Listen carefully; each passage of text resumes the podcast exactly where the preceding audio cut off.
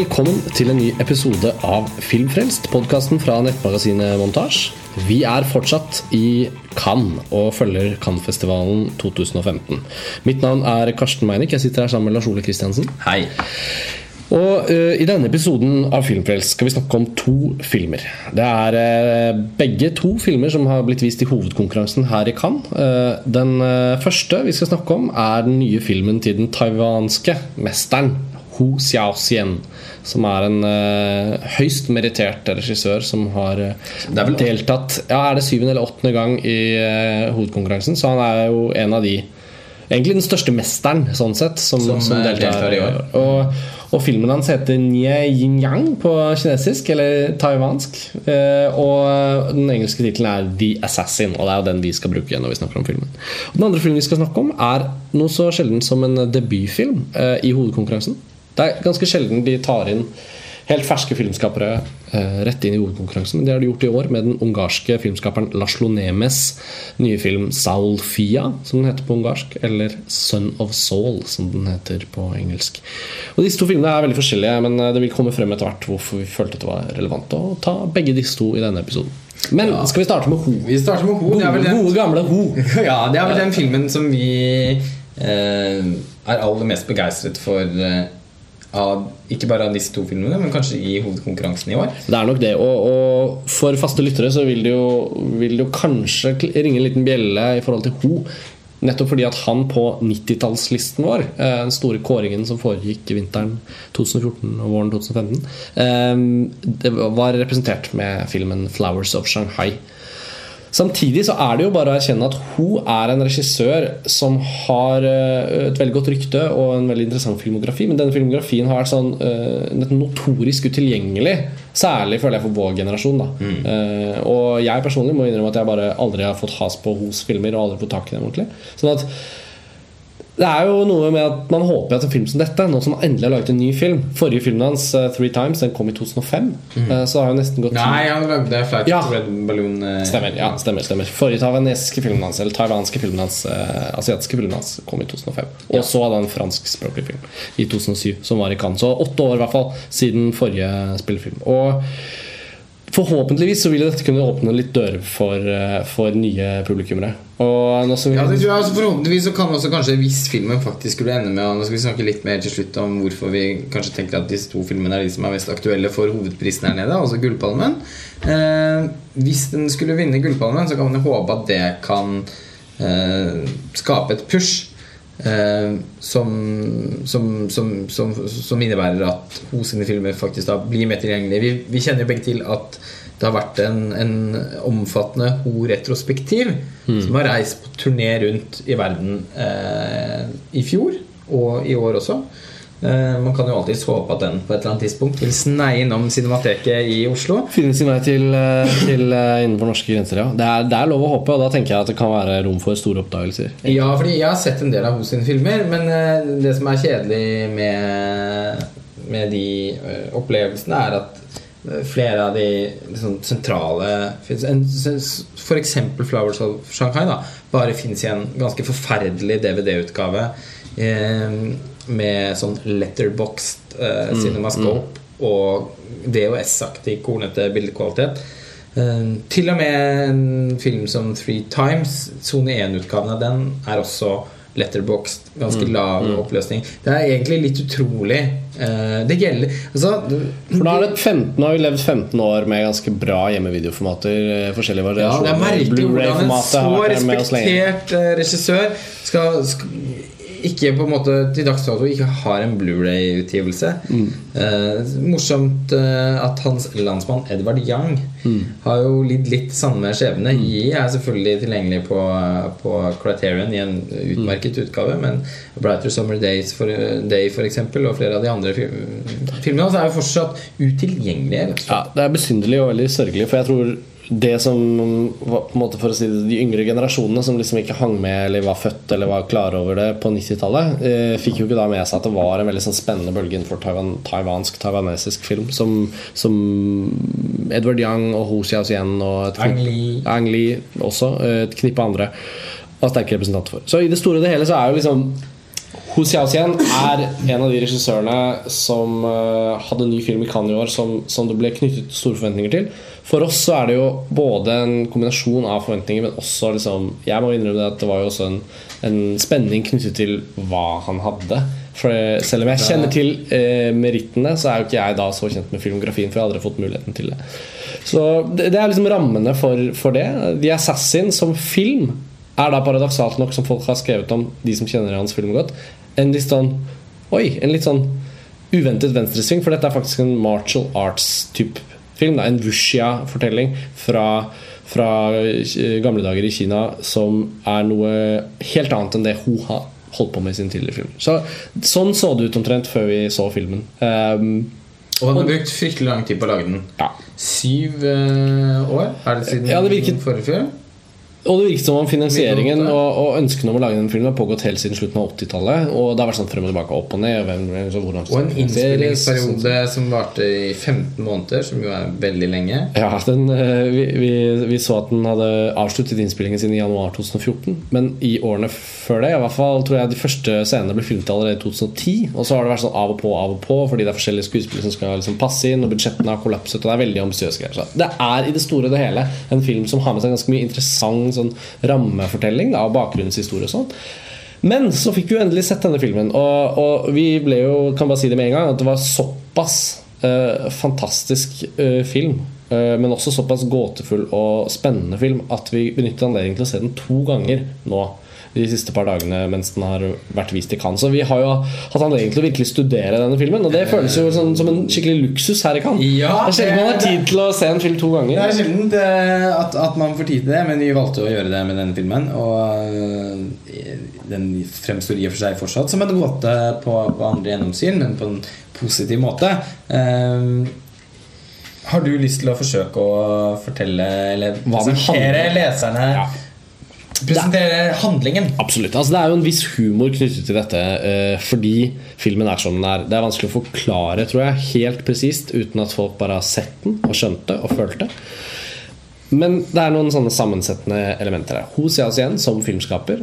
Bruker lange tagninger, har et veldig tålmodig filmspråk, et lavmælt tempo og har i det store og det hele en ekstraordinær evne til å gjøre sine observasjoner med på en måte tilsynelatende enkle grep, men veldig sofistikert måte å iscenesette på. Sånn som jeg forstår det. Filmen han har laget nå, tilhører det man kan si at er en av de mest sånn, tradisjonelt sånn mm, historisk liksom, forankrede eh, fortellersjangere i Kina. Altså wuxia, kampsporthistoriene. Og i The Assassin så har de tatt utgangspunkt i en eh, novelle, en, en, en liksom ganske kort historie, eh, som, som er fra Eh, det som heter Tang-dynastiet i den kinesiske historien, som er på 600- og 700-tallet. Så det er liksom virkelig et periodesetting. Og filmen handler om en, en kvinne som har blitt bortført, eller, eller, satt bort, da hun var barn, til en eh, hva skal man kalle henne? Hun er en slags sånn uh, trollkvinne. Hun beskrives også som en nonne. En, en, en, en gåtefull person som liksom har tatt henne inn under sine vinger og lært henne opp i liksom uh, leiemorder Eller liksom, Det blir ikke leiemorder sånn som vi ser det, da, men i hvert fall uh, kampsportsteknikker som gjør at hun blir en egnet uh, leiemorder. sånn som man forstår det uttrykket i Tang-dynastiet. da Det er på en måte ikke det samme sånn som vi forbinder det med Jeg vet ikke, Luc Bessons Leon eller et eller annet sånt. Um, så, og hovedpersonen spilles av den taiwanske skuespilleren Ki Shu. Og hun er på en måte hun sin muse, i hvert fall fra de senere årene. Hun spiller hovedrollen både i Three Times og i Millennium Mambo. Nettopp. Og hun eh, Nå er hun 39-40 ca. år gammel. Eh, fremstår ikke sånn i det hele tatt. Eh, rollefiguren fremstår som en ung kvinne. Mm. Um, er det umulig å se at hun Ja, det var faktisk ganske overraskende da vi dobbeltsjekket det. I hvert fall hun spiller hovedpersonen, og den kinesiske tittelen Nye Yin Yang spiller på hennes navn, uh, mens den internasjonale tittelen The Assassin spiller på hennes uh, profesjon. Kan man si Uansett Og filmens hun, vage sjangertilhørighet. Ja, vag sjangertilhørighet. Men det kommer vi tilbake til. Uansett, hun er i sentrum for handlingen. Uh, hun er ferdig trent. Hun er klar for å gjøre sine oppdrag. Og, og, begynner sånn i det små med å uh, gjøre sånn spektakulære henrettelser av korrupte embetsmenn. Og, og, det er noen som rir gjennom en skog, liksom i en Robin Hood-film. Og hun kommer liksom bare sånn helt lydløst løpende gjennom bjørkeskogen og gjør et lite strupesnitt. Og så er det så er det liksom klipp til vinden som blåser i trærne. Så det er en veldig vakker film på alle mulige måter. Det kommer vi tilbake til Men også historiefortellingen starter veldig sånn presist med noen små sånne glimt. Tre vignetter i sort-hvitt før tittelen står på skjermen. Ja. Og tittelen da introduserer både farger, eh, og det skal det bli mange av i løpet av den filmen, og, og et sånt voldsomt vakkert sånt uh, kalligrafisk, sånn malerisk, typografisk sånn kinesiske tegn nedover skjermen. Som, som film, filmen åpenbart er så stolt av den hviler på det i sånn Ja. ett minutt eller noe. På det tidspunktet blir man også veldig klar over at Oi, ok, så det er ikke sånn veldig kjapt tempo. Nei, filmen etablerer tempoet. Men så sakte, men sikkert da, så brettes det ut en fortelling som både eh, er i besittelse av en type sånn komplisert, ganske sånn historisk korrekt politisk intrige. Altså keiserdømmet i Tang-dynastiet versus provinsen Weibo sin uavhengige status. Hvordan fungerer de forskjellige rådsmedlemmene for Weibo-prin- eh, altså Weibo-provinsens lederskap?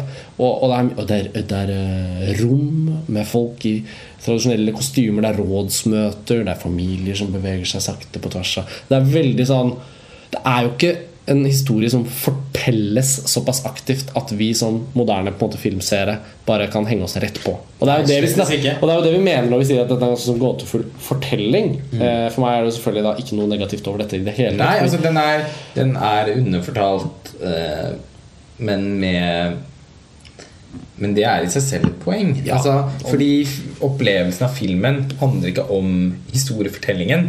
Den er jo noe som jeg tenker at man kan ha gleden av å liksom oppdage flere lag i og få mer og mer oversikt over for hver gang man ser filmen. Ja, og, og da vi så den igjen, så syns jeg det mesteparten av det de, de, de viktigste elementene i det som kan sies å være liksom plottet eller historien, de falt ganske godt på plass for meg. Og så er det enkelte sekvenser som inneholder rollefigurer som jeg tenker sånn Er de mer et metaforisk bilde? Var det egentlig en Hvem var det? Jeg skjønte ikke helt det. Og sånn, sånn. Men i det store og hele syns jeg det satt på plass. Og det, det siste jeg har lyst til å bare si om plottet, er jo da at den unge yin-yang som returnerer eh, fordi hun får da et oppdrag fra sin læremester om å henrette en spesifikk eh, figur i Weibo-provinsens lederskap.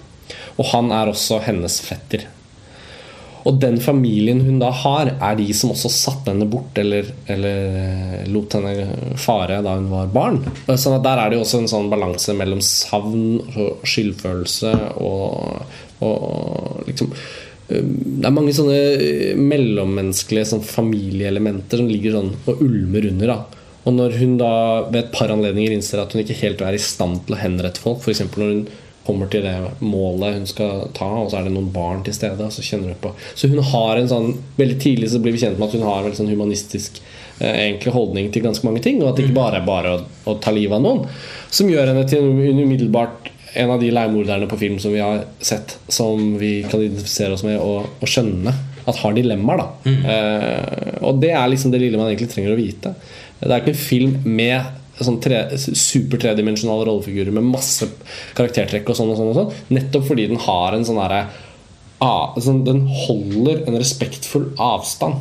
Hele tiden. Nettopp. Eh, og du eh, Det var jo du som nevnte det eh, Når vi snakket om filmen umiddelbart etter at vi hadde sett den. At den har noen sånn Barry Lyndon-aktige kvaliteter. Jeg kunne ikke komme på noen annen film som minnet om enn Barry Lyndon. Nei, og det er litt sånn Selv om Barry Lyndon helt bestemt er en mer engasjerende fortelling, Absolutt. eh, så, så er denne iscenesatt på en veldig lignende måte. Og, filmen er da skutt i Academy Ratio. Også som Barry Lyndon.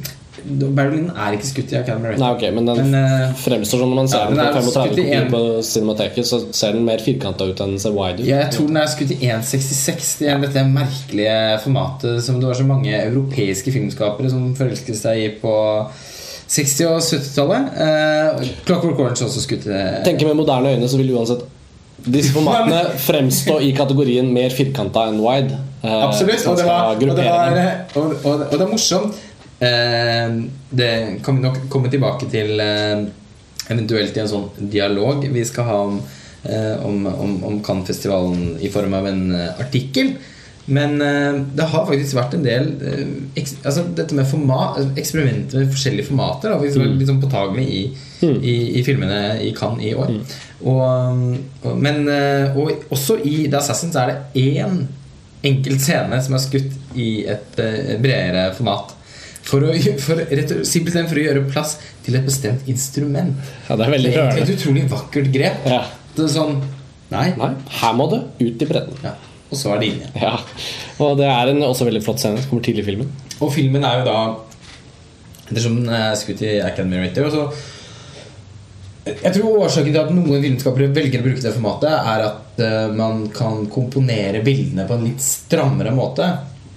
Eh, I filmen vi skal snakke om etter denne, eh, 'Son of Soul', som, den er også skutt i Academy ja. Mm. Eh, og der er det åpenbart anvendt for å skape en liksom klaustrofobisk fortettet atmosfære. Er Ikke helt sånn i The Assassin, men det er heller skapt for å skape en sånn tydelig stringens. Eh, og hun, er, det, er det noe som kjennetegner eh, filmene hans, eh, så er det jo at han han, han, han, han holder en, en litt sånn eh, En høflig avstand hele tiden til rollefigurene sine. Og så komponerer han bilder som har veldig veldig mye informasjon i seg i dybden.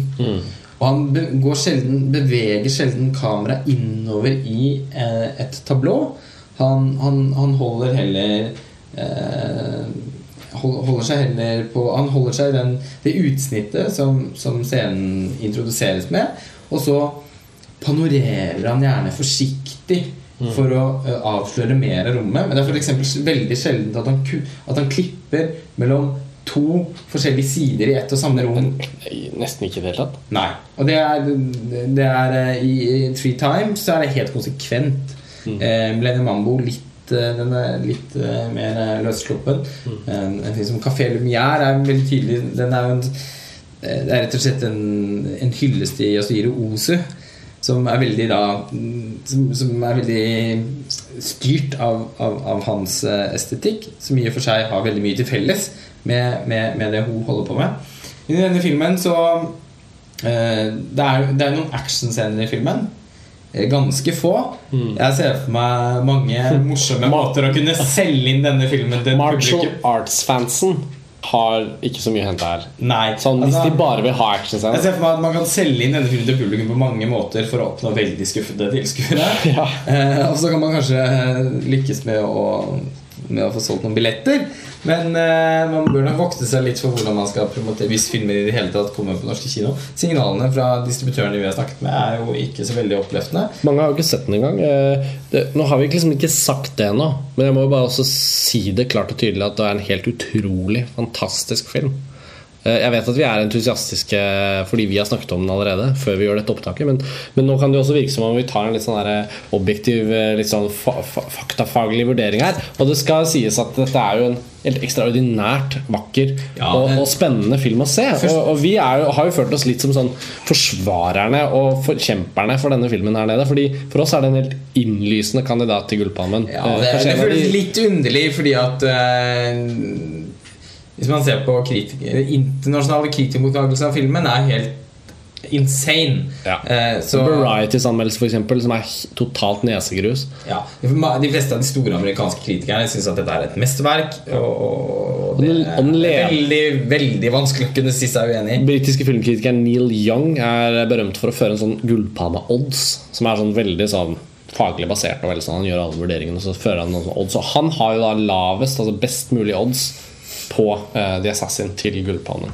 Ja, fordi Det hender jo også ofte at Gullpalmen går til Det var jo tilfellet i fjor. Vi eh, satt og krysset fingrene litt for Mommy Saviedolan. Vi følte det og, og det var filmen Hvis det var noen film som var litt et lynnedslag i fjor, så var det den. Mm. Ja. Særlig fordi eh, i motsetning til oss Så var det veldig mange som ikke var helt sånn hadde- bevisste på Saviedoland. Uh, og, og den filmen endret jo alt, og nå er han superstjerne og sitter i juryen. Ja. Uh, men vant ikke Gullpalmen. Eh, fordi det gikk til eh, Altså det, det gikk til eh, Nuri Bilge Jailan, som hadde vunnet priser for altså, alle filmene. Han har vært med i konkurranse tidligere. Det var, han var liksom overdue. Og, men det trenger ikke han å si. Det er ytterst sjeldent at en debutant vinner Gullpallen. Som, og, og de aller fleste snakker jo om eh, Son of Soul eh, som den store favoritten. Eh, men eh, jeg er jo enig med Neil Young, da. At jeg tror at når, når det er et år som hvor, og Det kommer vi til å snakke mer om i en oppsummeringspodkast som vi vil publisere ja, om det er noen timer eller en, et døgn etter denne. Så vi vil komme inn på at eh, 2015-årgangen i Cannes har vært en ganske sånn jevnt god årgang, men kanskje uten disse Ja, som vi sier sånn ja, Det har ikke vært så mange sånne håndgranater. Eh, Det gjør det jo litt Sånn som er den varmeste fargen eller Tree of Life. Nettopp. Som også gjør det litt vanskelig å forutse Gullpalmevinneren. Fordi man ønsker at Gullpalmevinneren nettopp skal være en sånn type. Men, men Eh, hun eh, er, jo, er jo da en mester som leverer helt åpenbart et helt sånn enormt virtuosverk. Og som, som du er inne på, nå har vi jo eh, understreket det veldig tydelig at det er en helt fantastisk film. Eh, og det er en film som eh, på tross av denne litt sånn snirklete, utilgjengelige historiefortellingen, at man er litt på eh, avstand eh, fra karakterene. Er det likevel utrolig lett å bare liksom Ikke bare leve seg inn i, i fiksjonsuniverset, men formelig dykke inn i lerretet, fordi bildene er altså så fantastisk vakre. Ja. Eh, det er helt, det er- helt, helt utrolig sjeldent. Det er derfor jeg syns Barry Lyndon er en god parallell. ja. Det man er liksom snakker gjerne 40 om år filmer siden. ja, Og man snakker gjerne om filmer som Barry Lyndon, uh, Speil, Tarkovskij, Days of Heaven Terence Malick. Disse filmene snakker om de vakreste filmene som er laget. Ja. Uh, og denne hører faktisk hjemme i den familien. Fordi det, av, det er noen av bildene som, som altså har så mange lag som er komponert på sånn Man sitter og tenker at hvert eneste, hver eneste innstilling er et mesterverk. Ja. Sånn, hvor, hvor det kan sitte tre, tre karakterer rundt eh, noe stearinlys, og bak dem så er det et slags slør, og bak der er det noen nye lys, og bak der er det en, eh, er, er, det en, en, en døråpning som fører til en bakhage, eh, hvor det begynner å bli kveld og er helt sånn blålig, og bak der ser vi må Det er helt sinnssykt! Og, og, og, i, og i mange filmer med glimrende bilder så er man likevel klar over at det er, at det er um, altså, en iscenesettelse og en lyssetting som er falske elementer og sånn og sånn. og sånn, og sånn. I denne filmen her, akkurat som i Berlinen, så er det mer sånn at man føler at lyskilder, farger, elementer, arkitektur, natur Alt er sånn fra virkeligheten. Og den autentisiteten som oppstår som en følge av det, særlig når man gjør en periodefilm, blir jo en sånn type sånn transcenderende skjønnhet som ikke bare er sånn Det er vakre bilder, men det er også sånn sannhetsfølelse som, som er sånn, Særlig når det kommer til periodefilm, hvor man på en måte vet Men at, det er filmet i Ja, vår tid, ja. men likevel sannheten om den tiden det skal For det blir gjengi. taktilt på en helt annen måte. Helt utrolig, eh, og, det er, utrolig. eh, og det er virkelig helt enestående. Vi eh, ble spyttet ut av den visningen og, Førstevisningen. og var helt svimle av begeistring. Bare så det er sagt. Og dere vet eh, Våre faste lyttere vet hvor, eh, hvor, eh, hvor eh, begeistret vi blir. Når vi blir begeistret. Vi blir begeistret. Men dette er altså eh, helt uten tvil en av de store begivenhetene i, i år, denne Ja. filmen. Og vi ikke bare er det vår, vår favoritt fra hovedkonkurransen, i hvert fall, i, i Ja. Cannes. men det er jo også en film som vi syns at det, det er veldig mye som, som ligger til rette for at den eh, kan vinne Gullpalmen. Men veldig mange snakker også om en annen film. Ja. eh, som heter Son of Soul, eller Shoal-Fai. Ja, Sholfia. Shoal-Fia. Det er vanskelig det med, med å prøve å få ting riktig på originalspråket, men det er litt gøy. da altså, sånn, uh, The Assassin er jo en veldig klokkeren tittel. Uh, internasjonal tittel. The Assassin. Det er vanskelig å misforstå. Og så er det regissert av Ho Xiaoxian, som mange kjenner til Den, regissør. Så den sitter. Den er klar. Uh, kinesiske originaltittelen Nye Yin Yang. Den er ikke like sånn faller ikke like lett, men hvis man har forberedt seg, sånn som vi har nå, så kan man alltid slenge den ut der. Um, og og, og Shoal Fia den er jo da en helt annen Helt, helt annen film, men den representerer en veldig eh, Syns jeg liksom dekkende eh, Et dekkende bevis for hva slags festival det har vært i år. For det har vært en debutfilm i hovedkonkurransen som har seilt opp til å bli en av favorittene til Gullpalmen.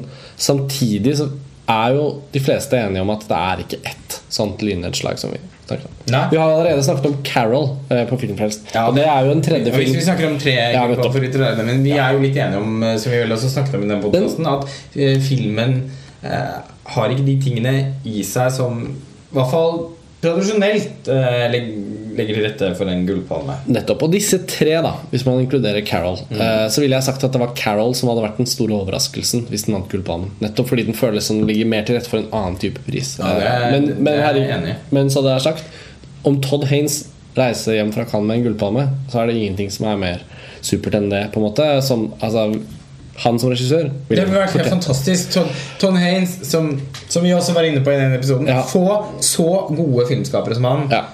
Uh, Det hadde jo vært så få priser. Han er faktisk en eh, På tross av at han nyter veldig stor respekt hos cineaster, så er han en veldig udekorert eh, filmskaper. Så lite hadde gledet meg mer enn det. Eh, Og poenget vårt men det er vel også at det er verdige vinnere i år på flere plan. Da, sånn at uh, Selve sånn gullpalmespekulasjonsdebatten Eller samtalen Den er litt mer sånn Selv om vi har våre favoritter, og, og The Assassin føles både som en personlig favoritt og som en litt sånn bookmaker-favoritt. Jeg føler rammeverket rundt å gi gullpalmen til den er mest uh, pris, altså mest egnet. Det gir Coen-brødrene muligheten til å gi en film til et kunst Nei, gi prisen til et kunstverk som er en film bortenfor deres trygge liksom, Det er ikke en amerikansk film, og det er ikke en film om holocaust. Som, nå skal vi snart komme inn på søndag, så jeg bare ville legge inn det at liksom før vi avslutter med The Assassin, så må det liksom konkluderes med at også at i tillegg til at det er vår personlige favoritt til Gullpalmen, fordi den har på en måte vært mest gullpalmeverdig, på en måte, så er det også en sånn Det er noen sånne litt sånn spekulasjonsrammebetingelser som gjør at den løfter seg litt ekstra opp. da men når vi da skal inn på uh, Sound of Soul, eller Sophia Jeg vet ikke hvordan Vi skal Vi kan gå for den engelske, kanskje. Inntil den får en norsk tittel. Uansett, det blir vanskelig å finne en tittel på ja, det, blir, det kan Sønn av Saul. Ja, oh, det høres ikke så bra ut. Uh, men vi får se. Uh, det er i hvert fall en Ikke en Toskana-tittel, i hvert fall. Det kan det umulig bli. Nei, det kan det, det, kan det umulig bli. Uh, men for å, for å da bare ta en litt sånn grunnleggende start på samtalen om denne filmen I tillegg til at det er en debutfilm, og det er en ungarsk produksjon, så må vi jo bare si kort hva den handler om. Og dette er jo en holocaust-film. Og det er jo en sjanger som umiddelbart setter en sånn alvorlig tone til enhver samtale man har. Eh, temaet er meget eh, dystert og mørkt, som alle, nesten alle holocaust-filmer er. Altså, Roberto Benigni prøvde seg på en feelgood, men den har på en måte ikke tålt tidens stand helt. Nei, det Eh, skal ikke jeg. men hva, hva skal man si? Eh, Hvor, hvor, hvor starter vi med dette? Det er jo han Saul, eller Shaul som de kaller han i filmen, er jo en helt ekstremt definert hovedperson. Eh, vi kastes litt sånn in medias race inn i fortellingen. Eh, han er i konsentrasjonsleir. Han er i Auschwitz. Samtidig så er han en del av eh, dette eh, jødiske på en måte altså, Eller de jødene som ble valgt ut til å være sånn vakter og kontrollører Medarbeidere. medarbeidere, på en måte. Like jævlig behandlet på sett og vis, men de får bare leve bitte litt noen måneder lengre enn de andre. Eh, Det er jo bare fryktelig, fryktelig fryktelig grusomt eh, univers, selvfølgelig. Og denne filmen er sånn helt klaustrofobisk grusom. Ja, som sagt i stad, skutt i Academy Ratio. Og den ligger veldig tett på hovedkarakteren hele veien. Eh, og det er veldig mye Det som er utenfor liksom, hans synsvinkel, får vi sjelden se. Det bare fornemmer vi. Eh, og filmen er hovedsakelig skutt i veldig lange, tærende lange tagninger. Som som nettopp får, som får denne, skaper den effekten at man kjenner at man blir liksom utmattet av å, av å vandre rundt i disse marerittaktige omgivelsene. Eh, noen har, sam, har, har, beskrevet filmen som en slags 'Children of Men' i Auschwitz. Eh, av de lange tagningene, Ja. sikkert. Og liksom noen franske kritikere eh, dro det enda lenger. Dog eh, også brukte Alfonso Cuaron som en referanse. Han har på en måte blitt en, slags eh, longtakens mester. Eh, Opptil flere franske kritikere eh, omtalte filmen som en gravity i, i, i Auschwitz. det- Det, det- var kanskje litt eh, på kanten. De er sprelske, de franske kritikerne Ja, jeg, synes, jeg må innrømme jeg syns det er litt tøft, ja, Men, Ja. Uh, men de, de flesker til med kanskje språklige algorier som ikke helt hadde falt seg naturlig. Nei, men det har fått litt oppmerksomhet at har noen har opplevd det, det som veldig smakløst. Men jeg, forstår jo hvor de vil hen. Fordi filmen, snarere enn å være en temafilm Mm. om holocaust, som veldig mange andre holocaust-filmer er, så er den eh, hovedsakelig en film som Som eh, Som skal skape en følelse av å liksom ta seg igjennom eh, Bevege seg rundt i, i omgivelsene. Eh, den, I likhet med Assassin så, så har, ikke, har ikke filmen noen tradisjonell historiefortelling. En veldig definert hovedkarakter. Ja. Men hans reise eh, er i hvert fall sånn som jeg opplever det, hovedsakelig en ytre reise. Eh, vi har riktignok eh, såpass tilgang til han at vi, at vi forstår at han Filmens tittel spiller på at han eh, ønsker å verne om en død kropp til et, til et barn, en gutt, som, som han Som en slags så, så Det er som om han ønsker å, å ha noe i, i den meningsløse tilværelsen i Auschwitz. Så ønsker han å gi mening til noe for å klare å fortsette For å ha noe mening på noen som helst måte. ja. ja. Derfor velger han seg en gutt som har blitt gasset i hjel, som han insisterer på at ikke skal skjæres opp og obduseres. Eh, men for, i, i han, han, hans prosjekt er jo egentlig å få begravet denne gutten. Eh, Og etter jødiske riter og sånn, så han, er, han, havner ganske raskt på jakt etter en rabbi blant liksom de andre i konsentrasjonsleiren. Og så er det sånn, sånn, sånn Man kjenner altså sånn Hva er eksempelet? Jeg vet ikke om jeg har en film eh, som jeg kan trekke fram som eksempel. Det er mange eksempler fall på en sånn følelse som du kjenner på vegne av rollefigurene i historien du følger, at det er håpløst. Altså Du vet på en måte at det er meningsløst, men du, men du bryr deg likevel om at de, de må prøve. Altså, og man vet ikke han, bare ja. han, han bare liksom Han går rundt og, og, og han ser hundrevis av mennesker som skal rett inn i gasskamrene, og han prøver å Hvem er hvem kan se ut til å være en rab, rabbi, liksom, som kan gjøre ja, Og så bare glipper det, og så bare Å, de er døde. Ok, greit. Og så snur han på seg, og så kaster kameraet seg etter, og så får han høre noen rykter om at borte i lia så står det noen og graver, og der er det kanskje en som Og så følger han Altså sånn det er en film hvor du merker at hovedpersonens liksom, hermetegn prosjekter som han skal liksom forfølge mm. Eksistensgrunnlaget er helt sånn smadret ned i sånn grusen. Det er liksom sånn Du vet egentlig at det bare er dritt og helvete og grusomhet. Og filmen begynner med en helt forferdelig scene eh, hvor eh, Hvor det er noen nyankomne eh, jøder eh, kommer til Auschwitz og eh, blir eh, invitert til å dusje en av disse Det er et klassisk Et veldig velkjent scenario. Eh, hvor de da får beskjed om å gå inn i den svære salen og dusje og bli rene før de skal komme og spise en varm suppe. Før de skal begynne på arbeidet neste dag.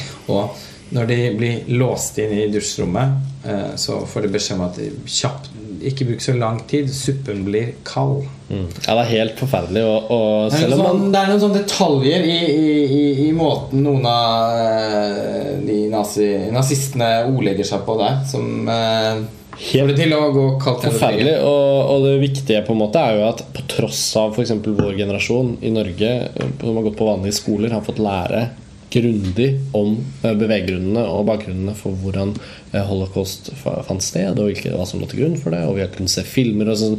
Føler vi er en generasjon som kan forholde oss ganske opplyst til faktaene som ligger i den historiske. Og likevel så smeller det så hardt.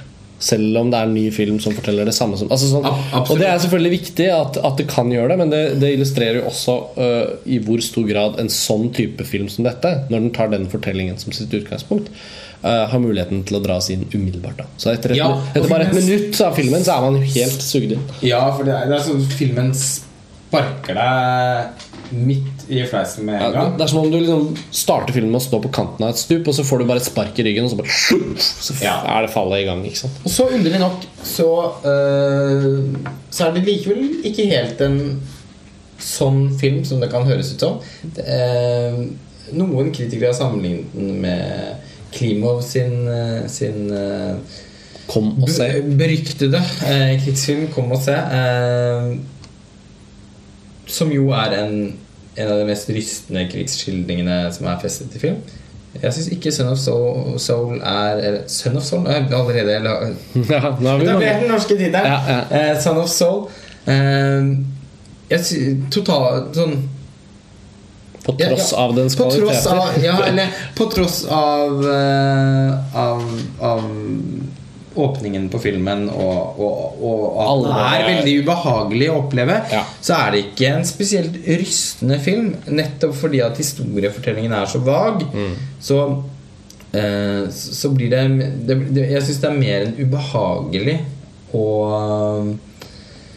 en, en, en film som man kjenner liksom fysisk på kroppen. Mm. Så, det er, så det, dette handler ikke om at filmen ikke når, inn, når fram til for det, for det gjør den virkelig.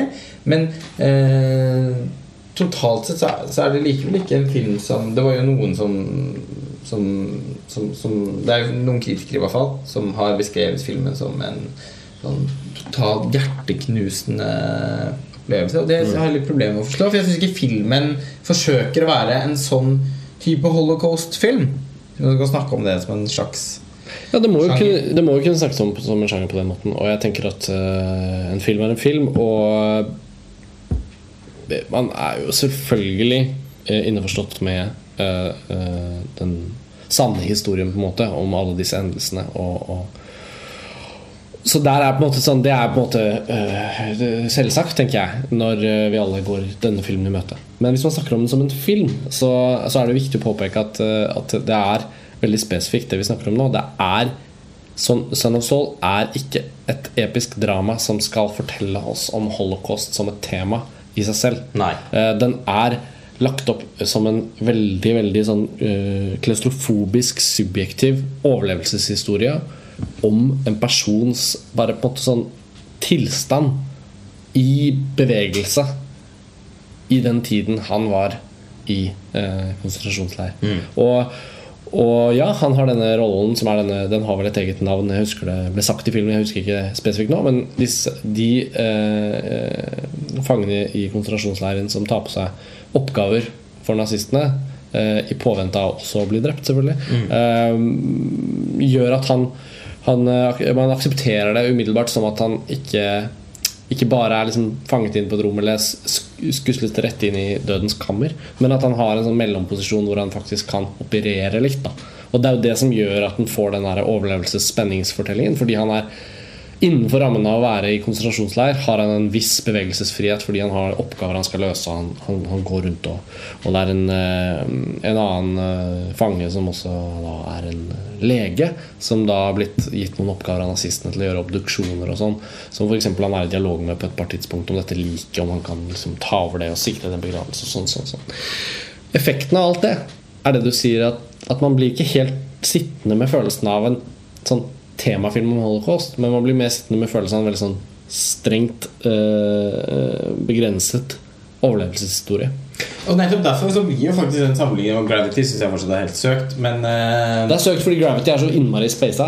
Fordi den er ute i space. Ja, det blir en veldig speisa sammenligning. Men Men eh, alle- 'Children of Men' Ja. eh, eh, Den sammenligningen syns jeg faktisk er veldig presis. Fordi eh, man Ja. ja.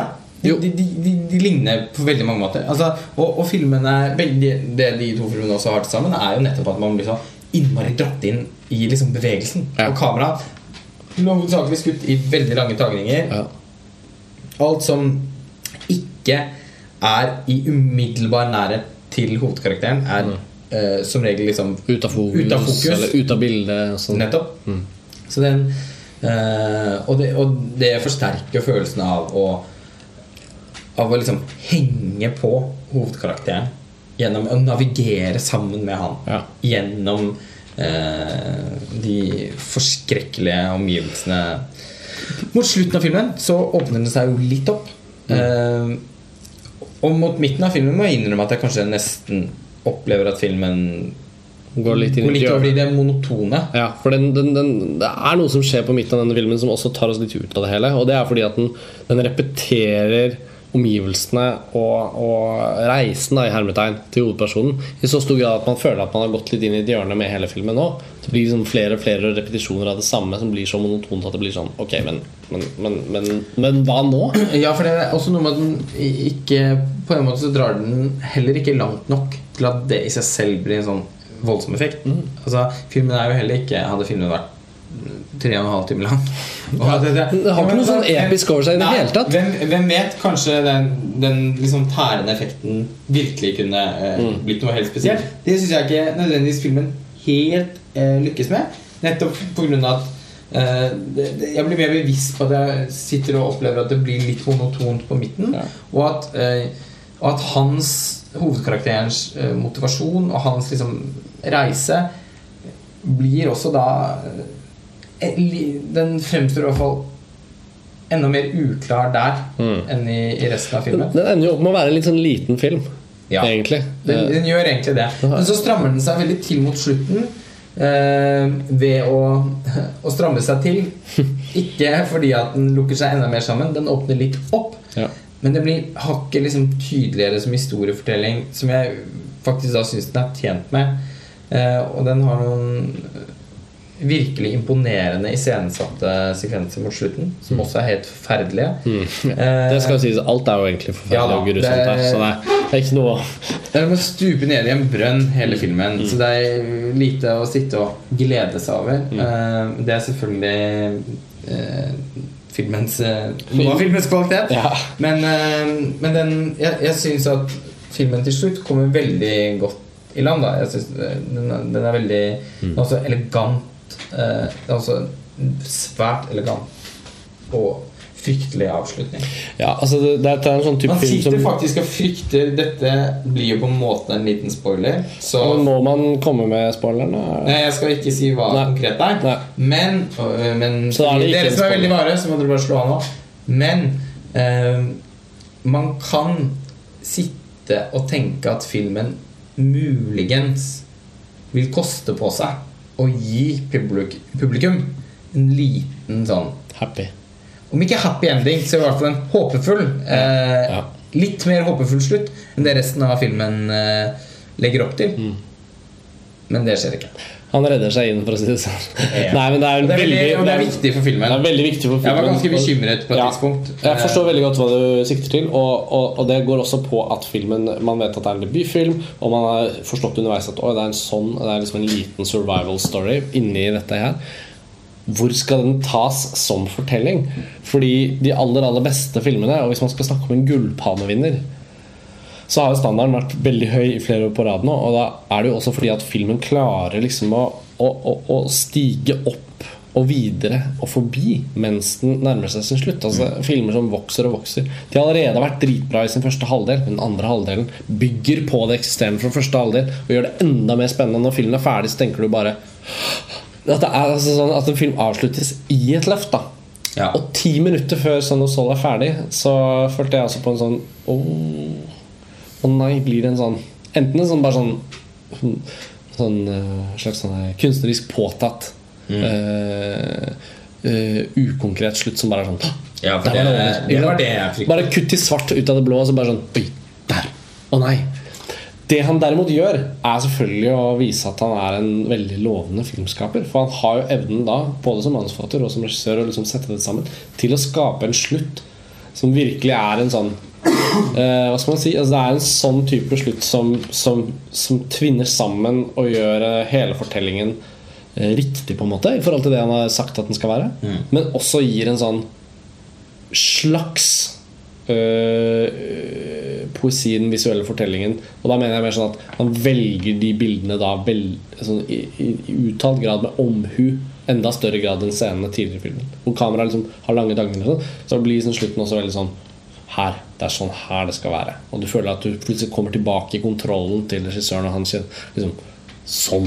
Og så er den ferdig. Og det skal den ha. Altså Camera d'Or-prisen, som er pri, kan, festivalens pris for beste debutfilm, Ja. den har vel sjelden vært uh, mer eh, glassklar. Ja, Nå- det hvis ikke den får den prisen, så er det jo helt fjernt. Men det er riktignok en annen jury enn hovedjuryen, da, så de kan ikke nødvendigvis sammenlignes. Nei da, uh, men, men uh, den prisen føler jeg er Jeg ville vært enormt overrasket hvis noe annet skulle skje. Filmen har allerede fått Pesci-prisen. Uh, og ifølge mange så er den også liksom en suveren favoritt i Gullpalmen. Jeg føler dog at år som i år, som da er uh, filmer med Jevne år. jevne år, Ja. gjerne velger å, å anerkjenne en merittert filmskaper. Ja, jeg tror du har rett. Og det er eh, nå som vi da Det var jo også tilfellet i fjor. I fjor var også et jevnt år. Ja, det var tilfellet i fjor også. Og, og nå, er, nå er vi jo på slutten av, av denne episoden og har snakket om disse to filmene, og da kan vi jo returnere til gullpalmeprat for å bare få oppsummere det. Sist gang en debutant vant Gullpalmen i Cannes, det var i 1989, da Steven Soderberg fikk Gullpalmen for Sex Lies and Videotape. Som er interessant i seg selv. Statistikken før det vet jeg ikke, men det er sikkert kanskje andre debutanter som har fått den. Men at en debutant for Gullpalmen i Cannes, er rett og slett eh, sjeldent. Og det er litt også fordi at Riktignok er det nye juryer fra år til år, men det virker samtidig som at det ligger en form for sånn forståelse i liksom teksturen der. Altså Vevd inn i dette lappeteppet som er Cannes-festivalens aura. jeg sitter med en slags følelse av at de på en eller annen måte får en form for veiledning. Det er noen albuer som sier sånn Du, hei. Ikke glem at altså sånn, Du får en følelse av det, eh, Ja. rett og slett. Og, det, og eh, Ta Xavier Dolan, da, for eksempel. Jeg synes det er et veldig godt eksempel. Nettopp fordi han var her i fjor med Mommy og ble satt opp i hovedkonkurransen første gang. Skal sies Det var jo selvfølgelig ikke en debut, det var hans femte film. Og Nei, ja, filmen var langt på alle mulige måter gullpalmeverdig. Men likevel så var det sånn Det var som om den prisen var litt sånn Fantastisk bra jobbet, Xavier. En utrolig film. Her har du juryens pris, fordi vi vet at du kommer til å lage så jævlig mye mer. Du får dele den med Jean-Luc Godard, Ja, var ikke det litt flott? som man nesten ikke hadde sett noen filmer av. Xavier Dolan syns selvfølgelig sikkert det var urettferdig og fornærmelse og alt det. Nå sitter han i juryen. Og jeg, altså, vi, vi kan spekulere dritten ut av dette, men det er jo litt sånn. Når de diskuterer disse prisene Skal Han ville gi eh, hovedprisen til en debutant. Oh. Oh, ja. og, og så er det også Det dette det eh, Og så er det, og, så er det og, nå, og nå snakker vi jo da om filmer som vi mener at har den høye kvaliteten som gjør at de er eh, relevante å diskutere som mulige gullpalmevinnere. Uh, The Assassin og Son of Soul. Også Carol, og det fins jo et par andre kandidater. og sånt Men i det store og så er det sannsynligvis favorittene. Og så skal man si Ok, hvordan spekulerer man seg fram til noenlunde faglig relevante og litt sånn semikunnskapsmessige relevante spekulasjoner? Så tenker jeg på sånne ting som det. Xavier Dolan han skal sitte der og diskutere det. Det er en debutant. Han er gans- og og det er ikke en så ekstraordinær debut. Meget høylytt og velartikulert ja. person. Så jeg tror ikke han er Og- stille rundt jurybordet. Og jeg tror, det, jeg tror vi er enige om at det er garantert at denne filmen kommer, altså Son of Soul kommer også til å få en pris. Dersom, dersom den ikke vinner Gullpalmen, så vinner den en pris. Altså Hovedpersonen spilles jo så jævlig bra at hvis han får en pris for beste mannlige skuespiller, så er jo det høyst fortjent. Ja. I Cannes, bare for å repetere vi har Og sagt hvis vi skulle få en regipris, så ville det også føles veldig Nettopp. Bare for å ha det repetert, vi har sagt det tidligere Men i Cannes så er det da en regel eh, som har gjeldt de siste årene, om at ingen pris kan Altså ingen film kan vinne mer enn én pris. Så det betyr at det fordeles mellom eh, Nei, det er ikke riktig. Det er uh, Vinneren av Gullpalmen kan ikke vinne mer enn Gullpalmen. Samtidig har det ikke de siste årene vært noen filmer som vinner to priser. Har de ikke det? Nei, det har ikke Ikke de siste par årene. Men Det er, altså, okay. nei, greit, okay, det er sånn det flytende, flytende tolkninger av hvordan de reglene fungerer. Men selvfølgelig gullpalmedefinisjonen er det viktigste. Gullpalmen skal være uh, gullpalmen, og ikke Det skal ikke være sånn at gullpalmevinneren vinner pris for beste mannlige skuespiller og kvinnelige skuespiller og gullpalmen. Liksom alt. Eh, Barton Fink, Også... notorisk eh, Coen-brødrene, apropos dem, vant jo både gullpalmen og prisen for beste mannlige skuespiller. Og det var liksom ikke måte på. Ja, og Dance with the Dark vant Gullpalmen og prisen for beste kvinnelige hovedrolle. Så disse reglene er blitt justert, og sånn sett så kan man jo spekulere. Ja, det var noe sånt. Men i de senere årene så har det i hvert fall vært veldig jevnt fordelt. Og da, når man da spekulerer i prisene, så er det jo da relevant å trekke fram hvilke andre priser kan være aktuelle. Hvis en film for eksempel har en veldig sterk skuespillerprestasjon, så kan man heller si sånn Ja, det er vel det som er prisen de får. Ta Carol, da, eksempel. Hvilken pris skal den få? Den må få noe. Skal det bli prisen for beste skuespiller? Begge, altså Skal både Rooney Mara og Kate Nashett få, få en sånn delt pris? Skal det være pris for beste regi? Skal det være Gullpalmen? Selvfølgelig ikke utenkelig. Jeg, det er en film som, eh, hvis den ikke vinner Gullpalmen, som jeg ikke tror den gjør, Nei. så vil den eh, være en klassisk Grand Prix. Mm. Eventuelt en regipris til Todd Hayne. Så, men jeg jeg ser mer for meg Grand Prix. Eh, og, og hvis det ikke Son of Soul Hvis det blir Assassin da som vinner Gullpalmen, Ja. som er en av de tre vi forestiller oss, så, så, så ser jeg for meg at uh, Son of Soul vinner eh, regipris. Mm. Eller Grand Prix. Eller ja. Andre, såkalt Ja. da. Men eh, jeg ser mer for meg Carol der, faktisk. Ja. Ehm, og, men det er morsomt. Jeg tror jo også eh, at Louder Than Bombs kommer til å vinne en pris. Vi skal uh, lage en egen podkast om den filmen. Ja. Uh, om eh, bare Det norske perspektivet. veldig få, ja, veldig få dager. Ja. Men uh, som de fleste sikkert har fått på seg, så er jo eh, vi veldig, veldig begeistret for Joachim Triers nye film. Mm. Og jeg har veldig tro på at den eh, kommer til å få en pris. Mm. Fordi det er en film som er så egenartet. Eh, altså Regigrepene i den filmen er såpass egenartede at jeg tror at mange i Den er veldig juryvennlig. For det første er en film som er veldig godt av å puste litt, og har godt av å bli snakket om.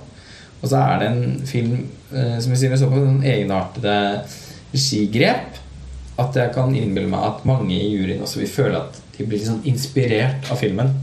Eh, om det blir en pris for beste manus, eller om det blir en jurypris, det gjenstår å se. Eh, jeg har vanskelig for å tro at den eh, vinner Gullpalmen. Men, eh, men en pris tror jeg absolutt er, eh, er aktuell. Det samme gjelder for filmen til My Venn, som vi ikke har fått laget noen podkast om. Mon Roi, som akkurat som Police for noen år siden har fått ganske sånn dårlige tilbakemeldinger her nede, men som jo eh, er en virkelig god film. Filmen er dritbra. Ja, er, den er jo så bra. Eh, man må aldri stole på My Venn-bussen. Det er en, er lærepengen. En lærepenge. Eh, vi fikk heldigvis sett eh, filmen til slutt. Eh, og det er også en film som er så Som stikker seg så ut i hovedkonkurransen. De fleste filmene i år eh, er jo er ganske sånn dempede, subtile eh, veldig, mange, veldig mange flotte rolleprestasjoner i flere av filmene. Men eh, gjerne litt sånn underspilte eh, Til og med Kate Blanchett, som vi snakket om i Carol-podkasten, holder litt tilbake eh, i sammenlignet med hva man er vant til. Men eh, Mon Roi til My Venn er en film som liksom bah, puster deg i ansiktet. Og det er jo noe av det vi snakker om når vi snakker om at det har vært jevnt år. Da er det jo ikke bare fordi at vi syns et par filmer er uh, gullpalmekandidater. Det er jo fordi at det er seks, sju, kanskje åtte filmer som er veldig bra på forskjellige måter. Også. Forskjellige nivåer er bra og sånn. Eh, og det er jo litt derfor det føles relevant å snakke om de andre prisene og hele prisutdelingen i seg selv. Eh, og nå skal vi jo ta en grundigere samtale om alt dette i oppsummeringspodkasten vår når, når prisene er delt ut. Sånn. Men, men, men med The Assassin og Son of Soul så har man på en måte også uh, ytterpunktene litt i favorittsjiktet. Altså man har en, en liten uh, hermetegn uh, ungarsk debutfilm. Den er selvfølgelig et, det har vært et stort arbeid garantert å få den filmen på plass. Fra en debutant? Ja, på. En debutant. Og så har man den store mesteren fra Taiwan, 70 år gammel, som har laget liksom en storartet martial arts-film som er ikke noe mindre kunstnerisk sofistikert eller, eller autørpreget enn sine tidligere filmer. Nei, virkelig ikke. Og Eh, kanskje så- også litt fordi den ikke helt er en martial art. Ja, nettopp. Jo, men den er liksom Men, eh, både det og ikke først og det. fremst en ho-film. Ja, og og hvis det skulle Og det skal man heller ikke utelukke. At uh, for, jeg, jeg tror mange i, i juryen eh, er ganske Er nokså filminteresserte. Mm. Så man skal heller ikke se bort fra at uh, f.eks. Cohen-brødrene eller Guillermo del Toro kan vise seg å være ganske dedikerte ho-fans. Ja, det, skal, det er en viktig ting å legge inn der. Så uh, Nei, i det store og hele, våre forventninger til prisutdelingen er ganske sånn åpne. Men Son of Soul har blitt kjøpt til uh, norsk kinodistribusjon Ja. av Arthouse. Så den kommer på norske kinoer. Det er Assassin sin Nei, Det er ut. Artas eh, har meldt at uh, Son of Soul blir en kinolansering i 2016. Så dere rekker å lage et barn innen den tid. Men, eh, men eh, den kommer, og den vil sikkert få festivalpremierer f.eks. i Tromsø, Bergen kanskje i høst. Og sånn Og så blir den det ungarske Oscar-bidraget, og så blir den nominert fordi holocaust-filmer alltid blir nominert. Og så et cetera, et cetera, et cetera. Vi kan spå masse. Men hvem som vinner Gullpalmen, er foreløpig selvfølgelig Ja, det er langt med og Eh, føles langt mer ja. usikkert. At Og her er to- skal få seg en litt sånn eh, Skal få seg en lang og god reise. Og her er to av våre Det er. Det er to av våre favoritter, disse to som vi har eh, snakket om. Um, The Assassin føles som den virkelige anbefalingen av de to eh, fra, våre, sånn fra hjertesiden. Mm. Etter en av de sånn uforglemmelige fi- filmopplevelsene fra Cannes. Helt i, i, i særklasse fra hovedkonkurransen. Um, vi kommer tilbake med oppsummeringspodkast. Vi kommer tilbake med mer om Louder Moms. Kan-dekningen er på ingen måte over. Eh, men når det kommer til akkurat disse to filmene og vel litt sånn gullpalmespekulasjonsspesial, så er vi vel kanskje i mål. Vi er nok i mål, eh, selv om eh, eh, begge filmene sikkert vil eh, bli omtalt på montasje også i forbindelse med, med enten festivalvisninger eller forhåpentligvis også kinopremiere. Ikke bare for uh, Son of Soul, men også for The Assassin. Det er bare å krysse fingrene. Én ting er i hvert fall helt sikkert at jeg tror den kommer til å bli vist på film fra sør. Og det er jo ikke så Ikke bare er det litt sikkert, men det er helt sikkert. ja, det er ikke, ja, de har fått sterke signaler om det. Ja. Så det. Og det er jo ikke så altfor lenge til, så da kan, er det jo bare å begynne å glede seg til å få oppleve den filmen på lerret, for det er faktisk en helt eh, enestående flott opplevelse. Ho-fansen, Kina-fansen, Wuxia-fansen Alle kan glede seg til Film Sørvisningen av eh, The Assassin. Ingen tvil om det. Vi skal eh, takke for oss. Ja, takk eh, både for at dere hører på, at dere følger med, og at dere deltar i samtaler og diskusjoner knyttet til disse episodene våre. Eh, vi eh, skal, som du sa, Lars Ole, gå mer inn i disse filmene eh, senere. På andre tidspunkt. Men dette var uh, kan-tankene våre. Kan-reportasjen. Det var det, og Neste episode blir jo da en oppsummering som vi lager etter Ja. at prisene er delt ut. Så Da- da kan vi snakke mer om eh, eh, Ja, da får vi se hvordan spådommene våre har vært helt på jordet eller ikke. Det blir spennende å se. Og da har vi også en hemmelig gjest. Så det vil jo vise seg hvem det er. Takk for at dere hører på. Ha det bra.